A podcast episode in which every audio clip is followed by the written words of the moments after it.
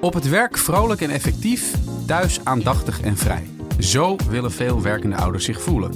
De praktijk is helaas vaak anders, want we zijn ook gestrest, afgeleid, moe en druk. Hoe krijgen we daar evenwicht in?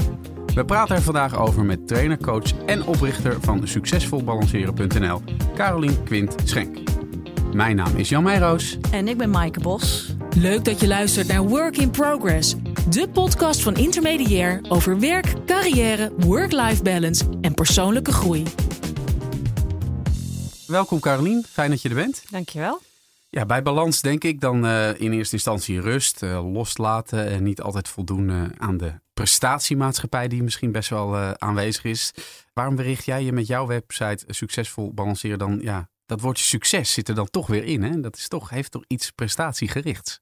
Ja, nou dat is uh, grappig dat je dat zegt. Want uh, aan de ene kant is dat inderdaad, sluit dat wel aan wat veel mensen willen. Hè? Mensen willen graag succesvol zijn.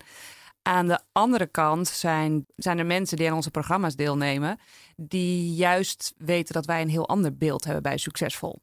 Um, successen is mensen vanuit de maatschappij denken vaak inderdaad, het moet groots, we moeten ze resultaten boeken. Ja, of rijk, een dikke auto, uh, promotie maken. Ja, nou en successen, daar, wij, als wij in successen denken, dan denken wij ook in bijvoorbeeld in het maken van fouten. En eh, tegen kinderen zeggen we van proberen kun je leren. Maar vervolgens als wij zelf een fout maken, dan zijn menig volwassenen die straft zichzelf juist af. Terwijl ik zie het als een bron van succes als je je fout herkent. Hè? En erkent dat het jouw fout is, maar ook dat je hem herkent. Want als je hem herkent, kan je daarvan leren. Maar dat, dat is bijna een, een volledig, uh, volledig omdenken. Eigenlijk een, op een hele andere manier naar, naar vastgeroeste patronen kijkt. Ja, nou dat is ook wel eigenlijk wat we met de training doen. En mensen op een andere manier naar ja. balans laten kijken. Uh, wat, wat is nou de ideale balans die, uh, die mensen zoeken? Nou, er wordt vaak voor het plaatje inderdaad van balans. Ik wil alle ballen in de lucht houden. En eigenlijk wat jij nu als vraag stelt, is meteen een hele goede vraag. Want wat is balans voor iedereen? Ja. En dat is zo ontzettend verschillend. Dus mensen komen vaak bij ons en dan zeggen ze: ja, ik wil balans. En dan vervolgens hebben we echt een heel lang gesprek over wat balans voor die desbetreffende persoon inhoudt. En dat is heel erg verschillend. Maar noem eens twee uitersten van wat mensen dan noemen. Want ik zou denken: iedereen vindt uh, balans is dat je ook toekomt aan yoga en vrienden en uh, kinderen. En hè, dat, dat is wat iedereen daaronder verstaat. Maar uh, wat zijn nou twee hele andere antwoorden die je dan kreeg? Nou, of het heel anders is, weet ik niet. Maar het gaat wel, sommigen die zeggen uiteindelijk dat ze gewoon meer energie willen. Um, anderen mm. willen meer rust in hun hoofd hebben. Uh, anderen willen echt concreet ja, een betere verdeling tussen uh, meer tijd hebben met hun kinderen en meer tijd aan hun werk kunnen besteden. Dus de vraag is waar het soms knelt. En, uh, en daar ja. zitten wel ja. inderdaad verschillen in. Ja, want je hebt een, een podcastserie. Hoe doen zij dat dan? Dat, uh, die, die, die titel spreekt eigenlijk al boekdelen. Maar je hebt natuurlijk altijd, uh, als je vaak in die, in die glossy magazines, zie je altijd van die interviews van die hele succesvolle zakenmannen en hele succesvolle zakenvrouwen. Die hebben dan ook nog een prachtig gezin en het is allemaal heel mooi gefotografeerd. En ze gaan op vakantie en ze hebben drie bedrijven en het, het loopt allemaal op een rolletje. Toch een beetje jaloersmakend. En dan denk je inderdaad van, hoe doen zij dat allemaal? Ja, waarom lukt het sommige mensen wel, en, maar heel veel mensen ook niet? Een rode draad die ik zie in uh, de podcast-interviews die ik heb, is dat er daadwerkelijk ook wel vaak wel keuzes worden gemaakt. En het allerbelangrijkste is dat de mensen die ik interview die op topniveau werkzaam zijn, dat die met name heel erg bewust in het leven staan. Dus ze maken echt hele bewuste keuzes. Um, Eén iemand zei bijvoorbeeld van ja, ik vraag mezelf bijna dagelijks af, hoor ik de vogeltjes nog fluiten? Eh, dus, oh, uh, een goede vraag eigenlijk ook. Ja, van sta ik nog voldoende stil bij uh, of ik geniet van de kleine dingen, of ben ik echt alleen maar in een rush bezig. Dus ze maken hele erg bewuste keuzes over of ze blij worden van wat ze doen. En daar zitten voldoende mensen in die zeggen: ja, sommige dingen kunnen dus niet. En daar kies ik voor. Ja, ja dus er zitten zoveel aspecten aan. Um, maar bijvoorbeeld kinderen. Hè? Je, je kunt denken van, nou ja, uh, je hebt een lange opleiding gedaan. Je hebt carrière gemaakt. En, en, dan sta je eindelijk in de bloei van je leven. En dan krijg je kinderen. En dan is dat weer zo'n factor die jou beperkt in je, in je werk. Die je tegenhoudt. Zo kun je het zien. Hè? Maar zijn kinderen ook een verrijking op de werkvloer als werknemer? Ja, enorm. Want uh, je, dat is ook dus eigenlijk een paradigma shift. Hè? Mensen denken inderdaad vaak kinderen zijn een beperking. Ja, terwijl belemmering. Het, ja. ja, terwijl het op heel veel vlakken een verrijking is. Als we het over balans hebben, ehm, hebben kinderen juist balans gebracht in mijn leven. En dat is vaak niet hoe mensen daarnaar kijken. Maar ik spreek ook heel veel mensen die nou, uh, vrijgezel zijn, uh, een eigen bedrijf hebben en zeggen: Ik ga maar door. Caroline, geef je deze trainingen ook voor mensen zoals ik? Ja. Want ik heb niemand die thuis op mij zit te wachten. Uh, ik heb geen kinderen die op een gegeven moment opgehaald moeten worden. Dus ik ga maar door.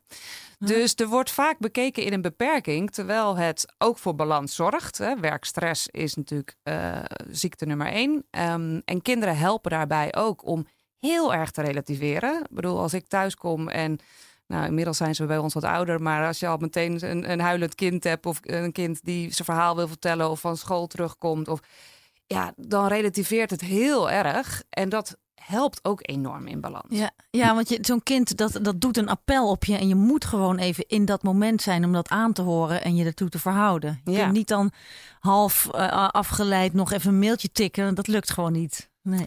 Maar um, jij had ook uh, de, de, Nederlandse reisondernemer Elske Doets geïnterviewd. Zakenvrouw van het jaar 2017. En die zei: opvoeden is de beste managementtraining. Ja, nou dat was inderdaad het volgende wat ik wilde zeggen. Wat het voordeel is aan kinderen. Um, kijk, hoe zij het bedoelt als managementtraining is dat je als ouder zijnde eigenlijk een soort coach bent. Dat dat de rol is die je pakt. Um, ik heb samen met mijn man een boek geschreven, ook voor ouders. En daar hanteren wij ook de coachmethode, dus waar elke letter van het woord coach voor een stap staat. Maar wij vinden ook inderdaad dat dat de rol is die je als ouder hebt. En dat gaat ervan uit dat er als kind eigenlijk al het goede zit er al in. En de enige rol die je als ouder hebt, is om te zorgen dat de juiste omstandigheden er zijn, zodat het kind tot bloei kan komen. En dat is daarom vindt Elske, denk ik, dat een hele goede uh, managementtraining. Want hoe doe je dat dan op de juiste manier? Op welke manier zorg je dat je kind niet een verlengstuk wordt voor jezelf, maar een eigen individu is? En dat is ook wat je natuurlijk als, als manager een hele mooie tool is. Daarnaast denk maar ik. Maar hoe dan? Ik bedoel, kun je een voorbeeld geven? Nou, kijk, een voorbeeld is als je kind iets doet wat jou raakt dan ga je dan vervolgens, leg je dan de bal bij je kind. Hè? Is het bepaald gedrag wat je, van je kind wat je benoemt? Of pak je die gelegenheid aan om bij jezelf op onderzoek uit te gaan? Van, goh, wat raakt het kind nu in mij? En wat kan ik daarvan leren? Op welke manier kan ik daarvan groeien? Want vaak projecteren we het, hè, dat, dat gebeurt niet alleen bij kinderen, maar overal, projecteren we het op de ander, terwijl het in principe met onszelf te maken heeft. En daarin is het niet wat mij betreft alleen maar een goede managementopleiding, maar gewoon een persoonlijke ontwikkelingsopleiding, een kind. Omdat eigenlijk je krijgt alles terug van je kind.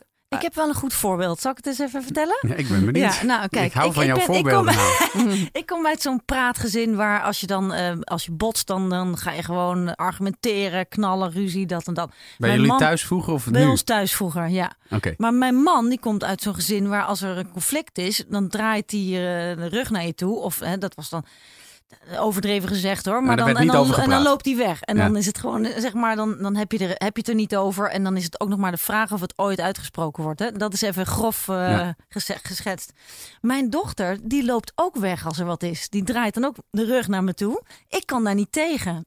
Dus ik heb in het begin gevoeld van, jeetje, draait ze de rug naar me toe. Uh, weet je wel, dat raakt mij dan. Denk ik, potverdorie, uh, kom terug. En nu denk ik, omdat ik ook inmiddels ook wel wat aan mezelf gedaan heb, denk ik van ja, ik weet waar dat bij haar vandaan komt.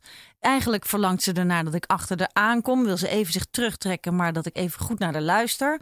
Dus dat ga ik dan doen. Dan kom ik naar haar toe en dan uh, ga ik niet zeggen: kom terug en uh, ga de strijd aan met mij. Maar ik ga gewoon kijken van wat gebeurt er nou. Dat vraag ik dan ook aan haar. En dan hebben we een gesprekje. En dan is het in, in no time komt ze weer terug naar de tafel en dan is het klaar. En dat is natuurlijk ook met werknemers zo, of met, met collega's. Als iemand inderdaad uh, jou negeert of zo, dan kun je ook denken van ja, uh, jeetje, hier kan ik niet tegen. Maar je kunt ook even omdenken en denken van goh, uh, heb ik wat gezegd? Of wat, um, nou ja. Je, je Zodra wel, iemand je irriteert of iemand je iets raakt of iets, een opmerking maakt die je niet loslaat, is dat altijd een signaal om naar binnen te gaan. Ja. En om te kijken van goh, wat kan ik hieruit leren? Ja. Wat spiegelt die persoon mij? Wat ik misschien bang ben dat ik dat heb? Of misschien weet dat ik het heb en dat ik dat geen leuke eigenschap van mezelf vind. Dus Ja. daar zit altijd een, eh, een proces om te leren. En kinderen bieden dat de hele dag door. Ja. Dus ja. Work in progress. Waarom richt jij je specifiek op de doelgroep werkende ouders?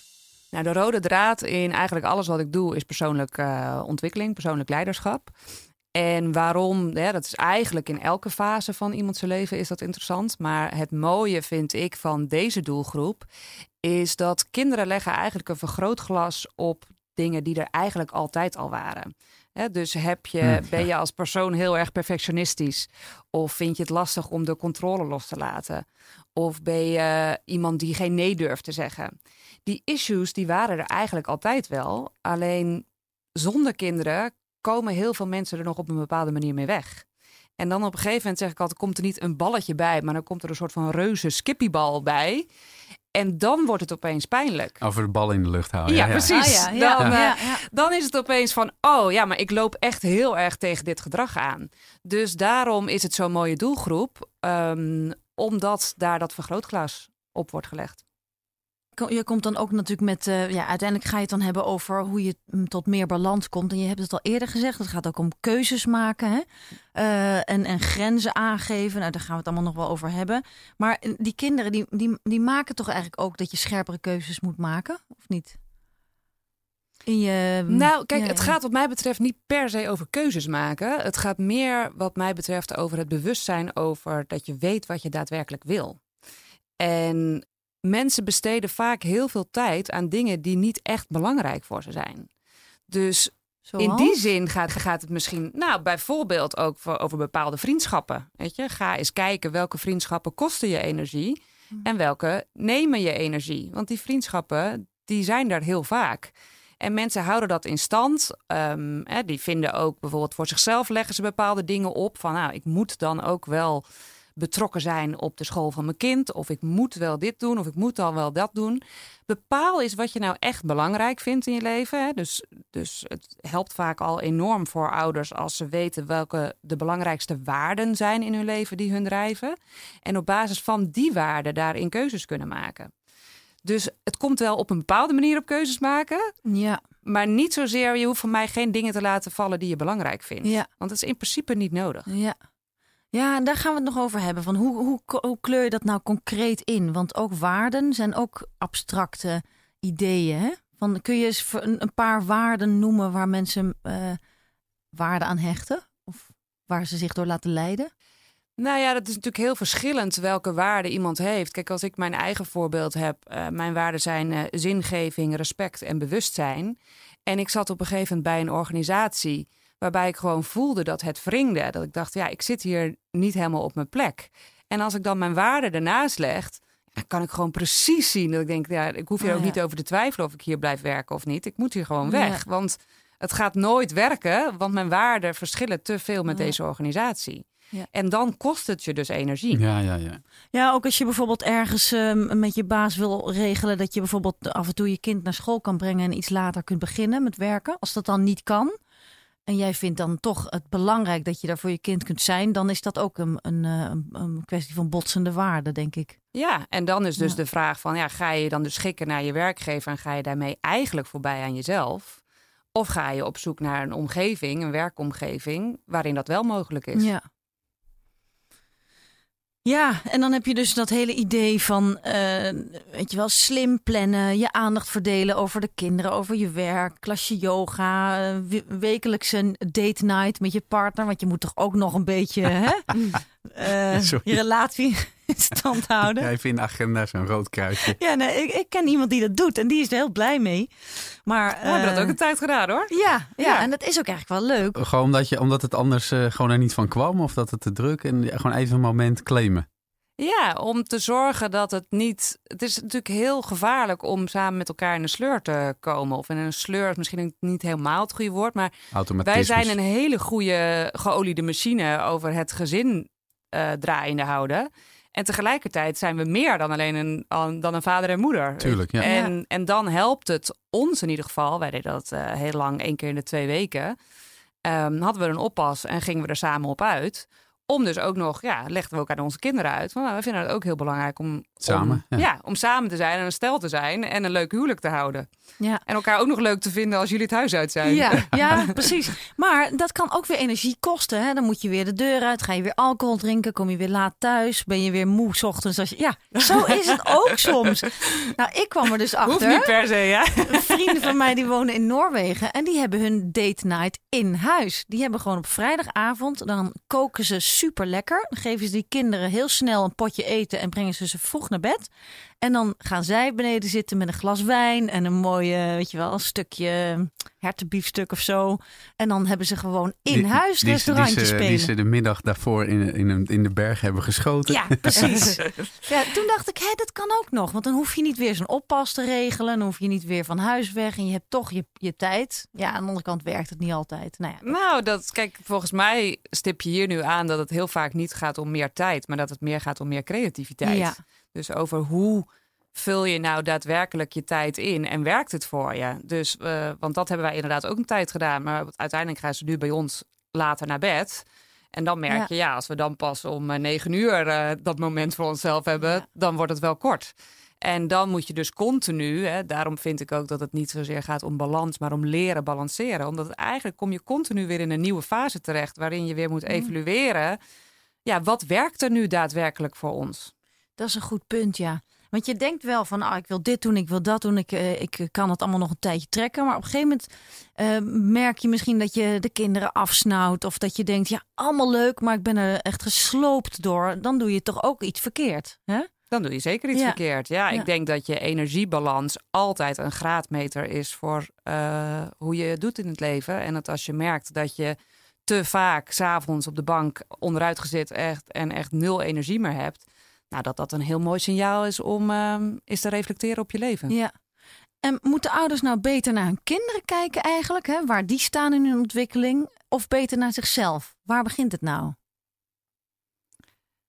Nou ja, ik denk, ja, waar begint het? Het is niet eh, de kip of het ei verhaal. Ehm, kinderen zijn sowieso, kunnen we zo ontzettend veel leren van kinderen. Hè, als we het hebben over dat ouders heel veel meer in het nu willen zijn. Nou, kijk eens naar kinderen. Ik bedoel, die zijn niet anders dan continu in het nu. Ja. Eh, dus eh, hè, als we het hebben over plezier, over spontaniteit. Weet je, als kind zit het er eigenlijk allemaal in. Dus we kunnen heel erg veel leren van onze kinderen. En tegelijkertijd zijn onze kinderen zo'n enorme spiegel. Dus daarmee werk je uiteindelijk aan jezelf. Ja, En ja. qua opvoeden ligt wat mij betreft de basis in eerst het opvoeden van jezelf. Nou eh, hebben wij onlangs eh, met Intermediair het Nationaal Salarisonderzoek 2019 gepresenteerd in, in samenwerking met Nijrode. Eén keer in de twee jaar. Eh 44.000 respondenten ehm, zijn toen bevraagd. En er kwam onder andere naar voren dat eh, de loonkloof tussen man en vrouw nog steeds heel groot is. En daar ligt dan ook weer aan ten grondslag dat vrouwen over het algemeen ja, veelal part-time werken. Ook omdat mannen eh, vaak bij bedrijven, die mogen soms niet eens part-time werken. Eh, als het dan gaat over balans, heb ik het idee dat de, de, de mannen op een of andere manier toch een beetje, daar toch een beetje tussenuit Ja. piepen of zo. Beetje een vrouwending, hè? De nou ja, balans. nou ja, dat mannen die, die, die, die hebben daar stiekem eigenlijk ook wel behoefte aan. Maar eh, die, als ik zo in mijn- in mijn eigen omgeving kijk en naar mijn eigen vrienden. Dan vind ik dat mijn mannelijke vrienden wel eens wat meer zouden mogen doen. Laat ik het zo zeggen. En dan denk ik toch van ja, ehm, komen dat soort dingen. Ja, dat was mijn vraag eigenlijk. Komen dat soort dingen ook aan bod tijdens. eh, eh, eh, want ik neem aan dat vaak stellen inderdaad bij jullie komen, ouders.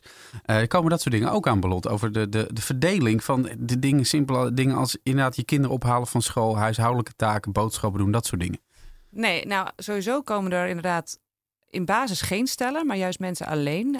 want die komen vaak via hun werkgever. Het grappige is dat er net zoveel mannen komen als vrouwen. Kijk, dat, dat geeft de burger Ja. moed. Dus Ja. dat er echt daadwerkelijk ook zij. Kijk, uiteindelijk gaat het heel vaak om, om energie, om onrust in hun hoofd. En niet zozeer over.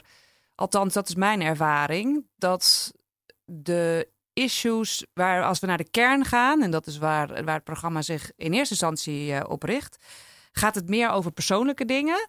Want ook al heb je met je partner een issue over dat de een meer doet en de ander eh, eh, veel minder, dan gaat het uiteindelijk ook over waarom vind jij het lastig om dat aan te kaarten bij je, bij je partner? Waarom is er ongelijkheid? Weet je? Vind je het lastig om te zeggen wat, wat belangrijk is voor jou? En zo ja, waarom? En herken je dat ook in andere gebieden in je leven? Want meestal is dat wel een tendens. Dus ook hierbij gaat het wel over bewustzijn dat. En, en dat bewustzijn is denk ik wel groeiende. Hè? Want het is uiteindelijk nog maar ongeveer zo'n 30 jaar geleden dat wij als vrouwen steeds meer zijn gaan werken. Als ik kijk naar al mijn vriendinnen en hun ouders en eigenlijk naar mijn eigen moeder, die werkte vroeger niet. Dus het is ook een evolutie waar we in zitten, wat soms ook tijd kost. Voor, uh, voor mijn podcast uh, heb ik ook iemand geïnterviewd die uh, zelf fulltime werkt en zei: Mijn vrouw zit fulltime thuis. En daar, daar hebben we heel bewust voor gekozen, want wij dachten dat dat een mooie balans was. Hij zei: het was uiteindelijk is het de vraag of het ons balans opleverde. Want we raakten elkaar juist ook enorm kwijt daardoor. Dus, Twee totaal verschillende levens misschien. Of ja, hij zegt op een gegeven moment wist ik niet meer zo goed waar ik met haar over moest praten. Um, en ja, de dingen die zij beleefde op het schoolplein en, en wat ik op mijn werk deed, stond zo ver van elkaar af. Ja. Dus ik vond het een mooi voorbeeld dat wat dan volgens ja, het vroegere plaatje in ieder geval balans was, dat dat absoluut niet per se voor nu balans hoeft te zijn. En dat dat voor sommige mensen wel zo is. Ja, sommige precies, mensen dus... werkt. Dus ik denk dat de les met name is dat mensen beter moeten kijken naar wat belangrijk is voor zichzelf. In plaats van te vergelijken wat de maatschappij en wat het algemene plaatje is. En dat mensen daar, omdat het vaak wel gebeurt, ongelukkig van worden. Work in progress. Nou, is het toch ook wel van als je dan toch weet wat je eigenlijk zou willen en weet wat je eigenlijk waardevol zou vinden hoe zorg je dan dat je tegen al die uh, stromen in toch kiest voor je eigen weg? En, en wat zijn dan de concrete vaardigheden die je nodig hebt om dat bij te sturen? Een aantal tips om daar meer bewuster over te worden is bijvoorbeeld of je een in memoriam gaat schrijven. Hoe ziet jouw leven er dan uit als je nu zo doorgaat op de manier waarop je nu leeft? Vervolgens schrijf je een tweede in memoriam waarin je terugkijkt op je leven, dus ook op je sterfbed, zoals je zou willen dat het leven eruit ziet. En als je die twee met elkaar gaat vergelijken, dan kan je wel goed nadenken van oké, maar ben ik dan op de juiste manier bezig? Best wel confronterend voor veel mensen, denk ik, als ze dat um, die opdracht doen. Ja, en daarom wel inzichtgevend. Uh, want als je dus ziet waar het knelt, dan pas kan je ook daadwerkelijk bijsturen. Want ja, ik krijg dus dan van mijn eigen leven meteen allerlei ideeën. Jij ook, Jan? Ja, nou, ja ik, ik, uh, ik, ik ben. Nou, vind ik het heel moeilijk om heel erg vooruit te kijken. Ik ben vaak meer van dat we cross that bridge when we get there even motto. Het dwingt je wel tot nadenken van uh, dingen waar je vaak tegenaan loopt. Uh, omdat waar je, dat je denkt, nou goed, dat hoort er dan maar bij. Om dan toch, toch wel misschien aanpassingen te maken. Ja, en het gaat ook niet zozeer concreet om hoe ziet je leven er dan daadwerkelijk uit met wat voor dingen heb je daadwerkelijk gedaan, maar ook wat voor gevoel het uh, soms oplevert. Hè? Van hm. als je zo doorgaat, heb je dan het gevoel dat je met voldoende aandacht bij de mensen bent waar je het meest van houdt. Ja, er is een interessant boek uh, van een Bronnie Ware heet zij. Zij, heeft, zij is een Australische stervensbegeleidster. En zij heeft in al die jaren dat ze mensen heeft begeleid in de laatste dagen van hun leven, uh, een tendens gezien over waar mensen spijt van hebben. En dat ze zei: het is verrassend dat mensen van dezelfde dingen spijt hebben. En dat is onder andere dat ze te weinig hun eigen leven hebben geleid en meer het leven hebben geleid wat andere mensen van hun verwachten. Dat is ook dat mensen wilden dat ze minder hard hadden gewerkt en meer tijd hadden besteed aan de mensen die echt belangrijk voor ze waren. Het zijn maar een aantal dingen waar mensen spijt van hebben. Maar als dat toch continu terugkomt, ja. Ja. ja, dan is de vraag: wil je dan niet nu al zorgen dat je je leven anders inricht? Hoe zou dat toch komen dat als het steeds terugkomt, lijkt wel een soort defect dan toch in ons? Nou, het is, kijk, sowieso is van 90 tot 95 procent van ons gedrag is onbewust gedrag. Uh, dus het kost best wel veel moeite om er op een andere manier naar te kijken. Daarnaast hebben we uh, spiegelneuronen die ervoor zorgen dat wij gedrag van andere mensen ook kopiëren.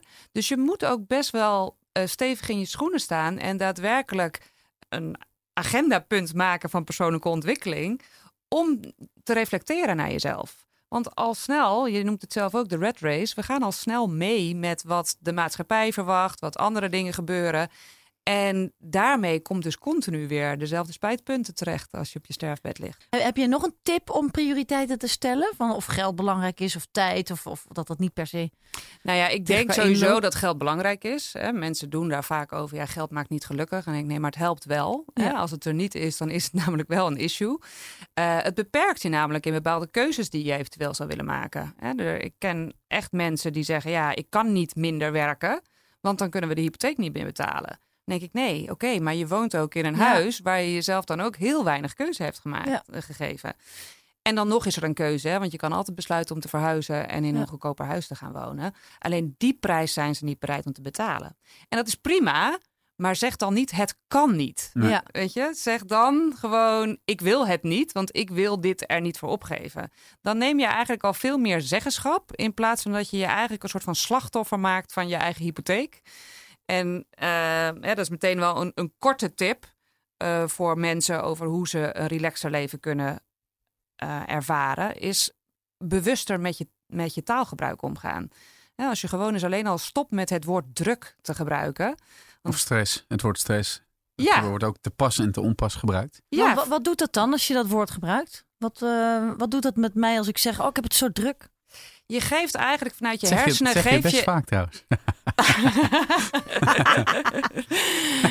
Eigenlijk geef je je hersenen, eh, ja, dat werkt eh, op, een, op een dieper niveau door, aan jouw lichaam het signaal: oh, ze heeft het druk. Dus dan moet ik in een bepaalde staat komen. Dus hoe vaker je je zegt, er zijn wel eens testen gedaan met mensen die ehm, eh, depressief waren en die alleen al twee weken lang het woord depressief niet meer hebben gebruikt en zich daadwerkelijk vrolijker voelden. Dus mensen onderschatten het gebruik van hun woorden. Dus eh, er is ook een ander onderzoek dat als je zegt ik mag niet snoepen, dan houdt slechts 10% van de mensen die houdt dat vol. En als je zegt ik wil niet snoepen, dan stijgt dat tot maar liefst 80%. Dus er zit, gaat veel meer eigenschap en leiderschap vanuit als je zegt ja maar ik wil niet minder werken, in plaats van dat je zegt ik kan niet minder werken. Want Ja. het, het, het kan altijd. Ja. Bijna altijd, laten we het zo zeggen. Maar wat ik ook wel belangrijk vind in deze is als je ehm, op de werkvloer eh, komen, dat- komen dat soort dingen niet vaak eh, tot uiting als mensen hun balans niet op orde hebben. Dat dan, als ze hun balans niet op orde hebben, dan is het vaak al te laat. Of dan barst opeens iemand in huilen Hmm. uit. En dan denkt iedereen, oh mijn god, wat is hier aan de hand? Wat kun je als werkgever, of wat mag je als werknemer eigenlijk verwachten van je werkgever hierin? Nou ja, kijk, ik weet niet of je het per se hoeft te verwachten van je werkgever. Want eh, als je het zelf belangrijk vindt. Ik heb helaas namelijk nooit werkgevers zelf gehad die het belangrijk vonden om hierin te investeren. Nee, maar je zei wel eerder van eh, mensen komen vaak via hun, hun werk bij ja, ons. dus ik vind het vanuit een werkgever slim om erin te investeren. Omdat het namelijk zorgt voor preventief ziekteverzuim. Er zijn onderzoeken geweest dat als medewerkers lekkerder in hun vel zitten, dat ze tot 50% minder eh, ziek zijn. Dat ze mm, negen keer zo loyaal zijn aan hun werkgever. En dat ze het ook nog eens een keer 12% productiever zijn. Dus er wordt vanuit werkgevers nog heel weinig gedaan vana- naar die preventieve kant. En als je, er was laatst eh, van TNO, die hebben aangegeven dat er in 2017 8100 euro verzuimkosten waren per werknemer. Terwijl er maar 1100 euro aan trainingen werd geïnvesteerd. Zo, dat is wel... En ik ben van mening dat als je meer op dit soort dingen investeert als werkgever, dat het je uiteindelijk, het is geen kostenpost, het is gewoon, het is eigenlijk een winst. Maar zou, zou, jij, winst. zou jij dan eh, voor willen pleiten eh, hier, eh, misschien wat, wat rigoureus, dat als je, als je werknemers in dienst hebt en, en een manager weet dat iemand vader is geworden of met zwangerschapsverlof, dat je dan die, die persoon in, in die beginjaren, wat toch over het algemeen een beetje tropenjaren zijn, dat je die dan proactief misschien eh, begeleidt daarin of meer even een vinger aan de pols houdt hoe het gaat of, of is dat te veel betutteling? Nou, ik vind het niet veel betutteling. Ik denk niet dat het per se nodig is om, het, om je echt te focussen op die eerste jaren. Het is wel een, een fase waarin er inderdaad heel veel gebeurt. En mensen echt even denken, oh, wat, wat komt er nu over me heen? Tegelijkertijd spreek ik zoveel ouders die ook zeggen in andere fases, die zeggen, jeetje, soms kijk ik terug naar die tropenjaren en denk ik, nou, dat was eigenlijk best wel relaxed, die Oh, ja. tropenjaren. Weet je, er komen weer in elke fase van het ouderschap komen er weer andere dingen. Ik denk dat het ehm, sowieso ja, het- is mijn missie om persoonlijke ontwikkeling de normaalste zaak van de wereld te maken. Ik zou ook vinden dat het een vak wordt op school waar kinderen les, echt daadwerkelijk examen in moeten doen. We leren heel erg ja, wat voor carrière we krijgen, wat we daar dan cognitief allemaal voor nodig hebben. Ook als je naar schoolprogramma's kijkt, zijn heel erg cognitief gericht. Terwijl uiteindelijk, wat zijn de vaardigheden waar we het meest gelukkig van worden? Dat zijn eigenlijk dus juist al die vaardigheden waar niet op gericht wordt en waar niet op getraind wordt. Noem ze eens op. Keuzes maken, ehm, zelfvertrouwen hebben, Ja. zelfwaardering hebben, Ja.